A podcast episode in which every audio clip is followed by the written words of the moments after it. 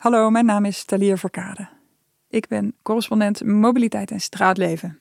Vandaag ga ik een column voorlezen die ik op 29 september heb uitgesproken bij de Dutch Cycling Embassy. Dat is de Nederlandse club die onze succesvolle fietsformule exporteert naar het buitenland. In de column vraag ik me af hoe geweldig Nederland fietsland nou echt is, met al die vrijliggende fietsbanen. Ook ik was eerder een naïeve Hollandse haring die niet doorhad in wat voor geweldig water ze zwom. Die het helemaal vanzelfsprekend vond dat je naar school, de supermarkt, de biep en je vrienden kon fietsen. Pas nadat ik terugkwam van een paar jaar in het buitenland zag ik het. Dat wat de buitenlanders altijd zeggen. Nederlanders wonen in de fietshemel. This is amazing. Toen ik kinderen kreeg, voelde ik diepe dankbaarheid voor de Nederlandse fietspaden en dan vooral voor het zogeheten vrijliggende fietspad, met zo'n bermpje ertussen. Zo'n helemaal gescheiden route is met en voor kinderen echt een veilige haven, naast de permanente orkaan op de autoweg. Het verbaast dan ook niet dat er tientallen delegaties per jaar naar Nederland komen om de kunst af te kijken. Om te leren van onze Dutch Cycling Embassy hoe goede fietsinfrastructuur er komt en dat dat er alleen komt met coherent en doordacht beleid. Dat een fietsland veel meer is dan alleen techniek en asfalt. Dat het cultuur is, een vorm van inspraak. In Nederland zit je aan tafel Goed, je krijgt hooguit een tiende van het budget dat de automobilistenlobby voor zichzelf regelt, maar toch, je mag meepraten. De fiets als medicijn voor het probleem van de verstopte stad heeft uitgepakt in uitstekend verhandelbare ingenieurskennis. Vrijliggende fietspaden, fietsverkeerslichten, fietsregensensoren, fietsdrempels, fietsrotondes, fietsparkeergarages, fietssnelwegen en fietsstraten. Een straat waar de fietser bij uitzondering voorrang heeft op de automobilist. Het werkt fantastisch, ik ben er dankbaar voor en ik geniet er elke dag van. Maar in de coronapandemie begon het te dagen dat de Nederlandse remedie ook nadelen heeft. Het fietspad is een middel met ernstige bijwerkingen. Neem deze tweet van een vader van een in Nederland schoolgaand kind. Begin deze maand schreef hij: Mail van school. Dat er klachten zijn van automobilisten dat er zoveel mensen zijn die hun kinderen met de fiets naar school brengen en of de fietsers zich aan willen passen. Ik moest het twee keer lezen om te checken of het er echt wel stond. Nu zal een buitenlander willen denken, in Nederland is het tenminste nog haast niet te geloven dat de schooldirectie durft te klagen over ouders en kinderen die met de fiets komen. Maar de tweet gaat viraal. Binnen twee uur staan er duizend hartjes onder. En binnen een dag 3000 hartjes. Deze vader raakt iets dat iedereen op de fiets in Nederland kennelijk herkent. En volgens mij is het dit. Als fietsers niet keurig hun eigen baantje toegewezen krijgen, dan lijkt het, daar waar het fietspad ophoudt, al snel alsof ze in de weg rijden van mensen die met de auto zijn. Het is een consequentie van de deal die we sloten aan de lobbytafels. Elkaar niet hinderen. De fietsers krijgen hun eigen baantje, zodat de automobilisten ook kunnen blijven doorrijden. En raakt de snelweg alsnog verstopt, dan leggen we er een fietssnelweg bij. Zodat we elk jaar met z'n allen meer kilometers kunnen afleggen op de weg, zodat onze mobiliteit en onze economie kunnen blijven groeien. Niet treuzelen op het fietspad en niet als kind midden op de weg voor school gaan stilstaan dus. Tijdens de eerste coronalockdown bleek ineens hoe weinig ruimte er eigenlijk is voor mensen op straat.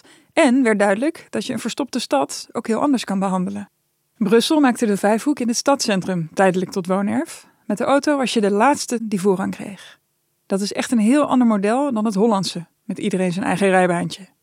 Brussel probeerde de snelheid en het gevaar juist uit het straatleven te halen door iedereen weer door elkaar heen te laten lopen en rijden. Milaan zei: die uitlaatgassen van hiervoor, die willen we nooit meer terug. En dus gaan we snijden in automobiliteit. Het is een idee dat in Nederland in coronatijd nauwelijks ter sprake is gekomen. Parijs legde er in hoog tempo honderden kilometers aan fietspad bij. Niet vanuit de gedachte om iedereen zo efficiënt mogelijk van de ene naar de andere kant van de stad te krijgen. Volgens het 15-minuten model dat Parijs gebruikt, hebben mensen het recht om aan alle zinvolle activiteiten voor zelfontplooiing te kunnen deelnemen, zonder daarbij van snelle mobiliteit afhankelijk te zijn. Dat is de boodschap die de stad van een kwartier uitdraagt. En dat is echt wat anders dan iedereen zo snel mogelijk van A naar B.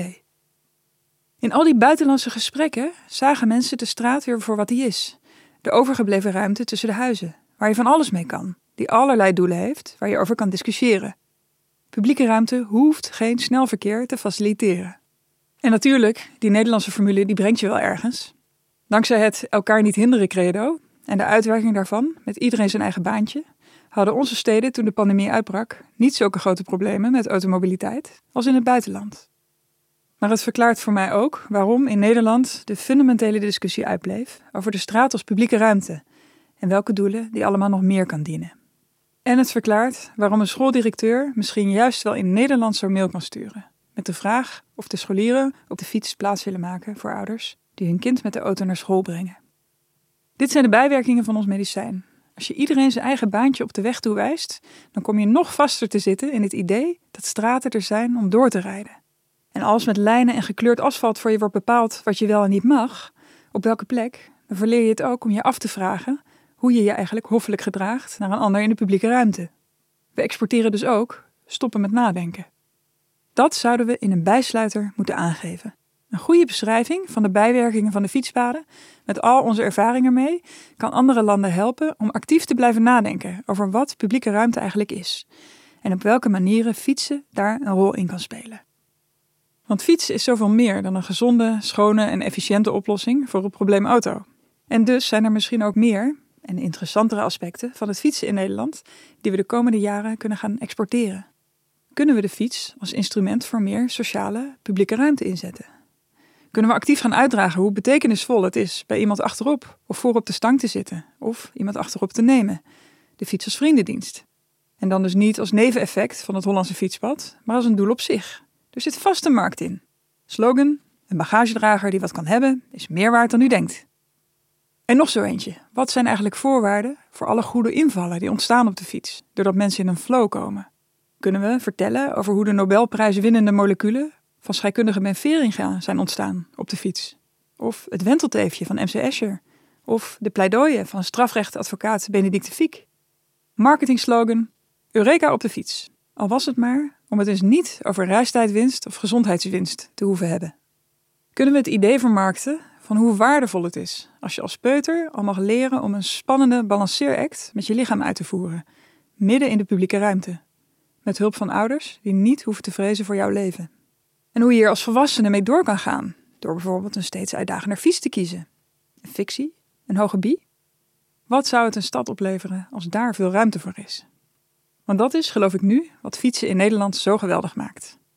Hoe mooi ze ook zijn, het zijn niet die fietspaden, zoals ik jaren heb gedacht. Het is het fietsen zelf. Deze column sprak ik uit op 30 september bij het tienjarige bestaan van de Dutch Cycling Embassy. Bedankt voor het luisteren. Dit verhaal kun je ook teruglezen op de website van de correspondent.